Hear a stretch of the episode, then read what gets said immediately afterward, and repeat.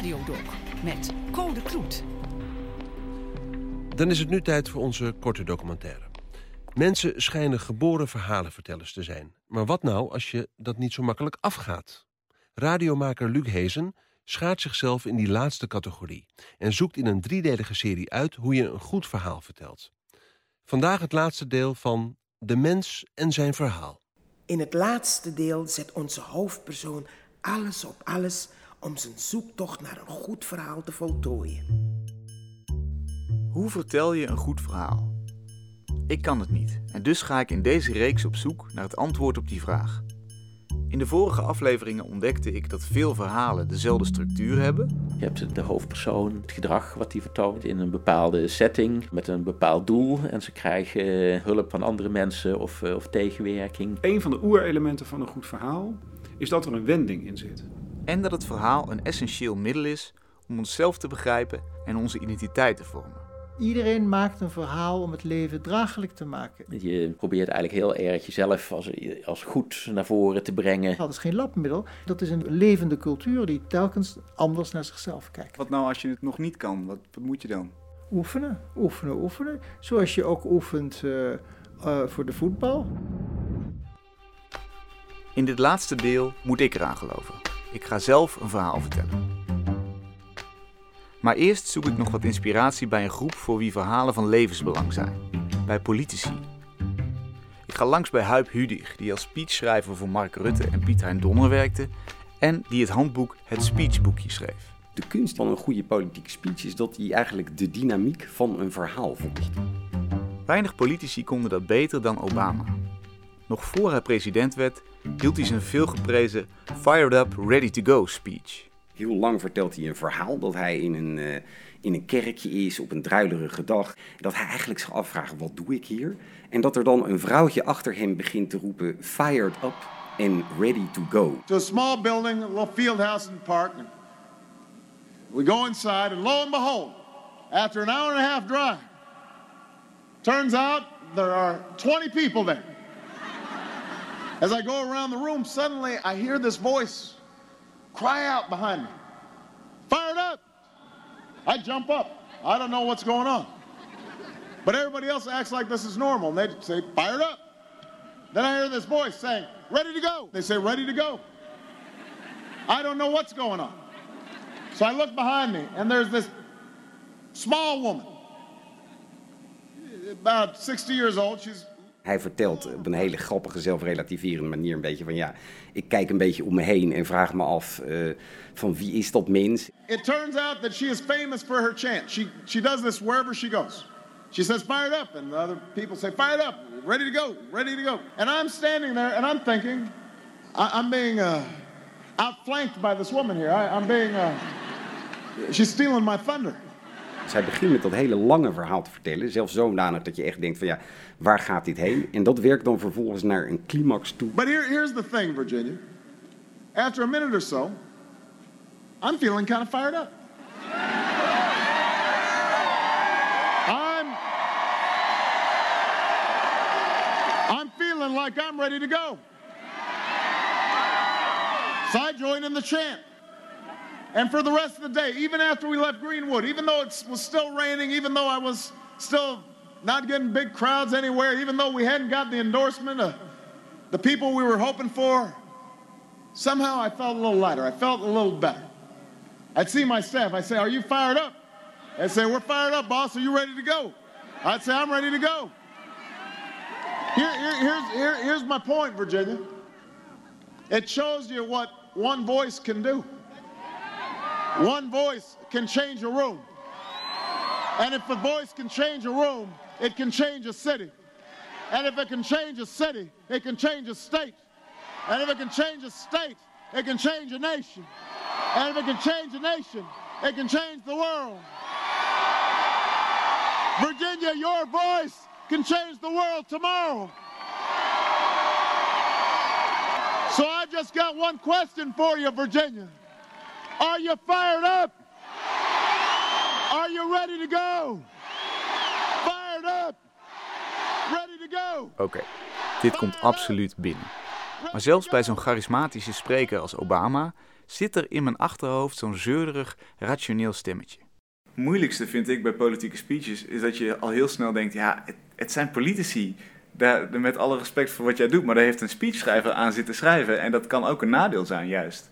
Ja, bedoel je daarmee te zeggen dat het dan net iets te... te- dat, dat, dat de luisteraar als het ware eventjes de magie achter de, de goochelact gaat zien? Eh, ja, uit onderzoek blijkt dat je eigenlijk eh, drie grote groepen hebt waar je op kan mikken. Dat zijn namelijk de eh, negatieve luisteraars, dus de mensen die in principe niet op je zullen stemmen. De neutrale luisteraars, dus die twijfelen bij wijze van spreken. En de positieve luisteraars. In het algemeen heeft het niet zoveel zin om je op de negatieve luisteraars te, te richten. De kunst vooral van de politieke speech is om die twijfelende spreker jouw kant eigenlijk op te krijgen. Ladies and gentlemen, Het is eens in dat verhaal van Trump, die, die announcement speech, wat, wat ja, voor vele maatstaven niet zo'n denderend verhaal was. Hij heeft daar zijn groep toch mee gemobiliseerd. when Mexico sends its people, they're not sending their best. They're not sending you. They're sending people that have lots of problems. They're bringing crime, they're rapists, and some, I assume, are good people. But I speak to border guards, and they tell us what we're getting. Als je enigszins intelligent bent, prik je er natuurlijk heel erg doorheen. Hij zit eerst mensen zwart te maken en dan vervolgens zegt ja, maar sommigen zijn ook wel oké. Hij zegt hij dan voor de vorm eventjes en dan vervolgens ze Dus, dus het is heel grappig dat hij dus eigenlijk allerlei stukken van de argumentatie inzet... waar je dus inderdaad bepaalde mensen juist van zullen denken... nou ja, dit slaat nergens op, maar andere mensen dus toch overgehaald worden. Net als Wilders, die, die zegt ook dingen waar heel veel mensen hè, met een kop vol de tax en weet ik wat, dat de meeste degelijke NRC-lezers echt denken van jeetje, hoe kan je dat zeggen? Ja. Zijn er andere mensen die zeggen ja. Oftewel, negeer de mensen die jou toch wel niet zien zitten en richt je op het publiek dat jou wel positief gezind is. Is dat ook iets wat een verteller buiten de politieke context omdoet? Ik vraag het aan schrijver en meesterverteller Adriaan van Dis. Een slangenbezweerder. En hij praat een slang uit een mand, dus je mag best een schepje erbovenop doen. Mijn bron van verhalen vertellen was de Indische rijsttafel die we in het repatriantenhuis met al die mensen die uit verre eilanden kwamen. En die zaten op zondag bij elkaar en die vertelden elkaar sterke verhalen. Eigenlijk vertelden ze elke week hetzelfde verhaal, maar elke week een schepje erbovenop. En dan dacht ik, ah, zo moet je de mensen vasthouden. Door het misschien een beetje groter te maken en soms kleiner als het te pijnlijk is. Je moet ze vasthouden en daarvoor mag je middelen gebruiken. Het middel van de overdrijving, het middel van de ironisering, eh, humor, eh, inderdaad een stemverheffing, het uitstellen van een bepaalde clue. Je zegt iets, je vertelt, je gaat, je zwijgt, je neemt een zijpad en poem, komt dan plotseling een aap uit een mouw. Zet een verhalenverteller dan dezelfde middelen in als een acteur? Zodra je eh, met rechte rug en het, de imaginaire luisteraar in je hoofd een verhaal vertelt, krijg je natuurlijk een mate van theatraliteit. Je gaat niet op het toneel staan en zeggen, ja, ik ben maar een sukkel en ik weet eigenlijk niet hoe het moet en ik wil eigenlijk ook naar huis en het is wel heel erg warm, maar vooruit. Nee, daar win je er geen harten mee. Maar de oprechtheid is ook heel belangrijk, want je vertelt wel een verhaal dat in ieder geval een grote vorm van waarachtigheid moet overbrengen. Dat vraagt een zekere ja, panache, een zekere durf, eh, een zeker spel met woorden en ook een zekere ja, tovenarij. Voor ik zelf begin, keer ik nog even terug naar de tips van de beste vertelster van Nederland, Gerda Havertong. Vertellen met je eigen woorden. Zorgen dat je het verhaal goed kent. Want daar begint het mee. Mimiek. Pantomimiek. Wat is pantomimiek? Pantomimiek is je, de, complete situatie, je lijf, je ogen, alles. Je duikt weg, want er, gebeurt opeens iets. Je stoot zo wat je hoofd. En dan als je dat goed doet, ze duiken mee. Ze duiken mee met je. Het is echt geweldig.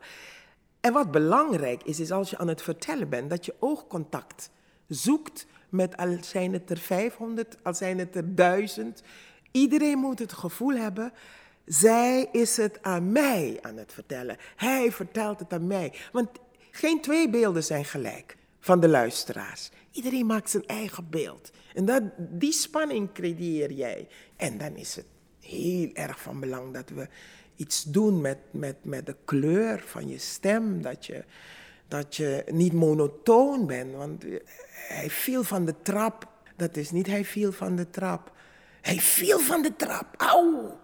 Weet je wel, die kinderen die hebben dan echt zoiets van... eh, en voor volwassenen, dan lag hij onderaan, onderaan de trap. bewegingloos. Wat gaat er nu gebeuren? Kan hij opstaan? Hij beweegt niet. Oh, kijk, er komt bloed. Zijn onderarm. Dat soort dingetjes, weet je wel.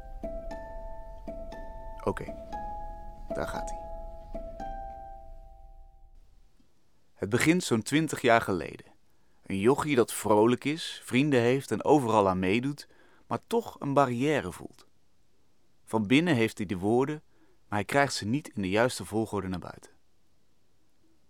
Dat is het verhaal dat stolt in mijn hoofd en de visie op mijn werkelijkheid wordt. Herinneringen, ervaringen, netjes opgeruimd in mijn geheugen. Ikzelf gelabeld als zijnde een slechte verteller.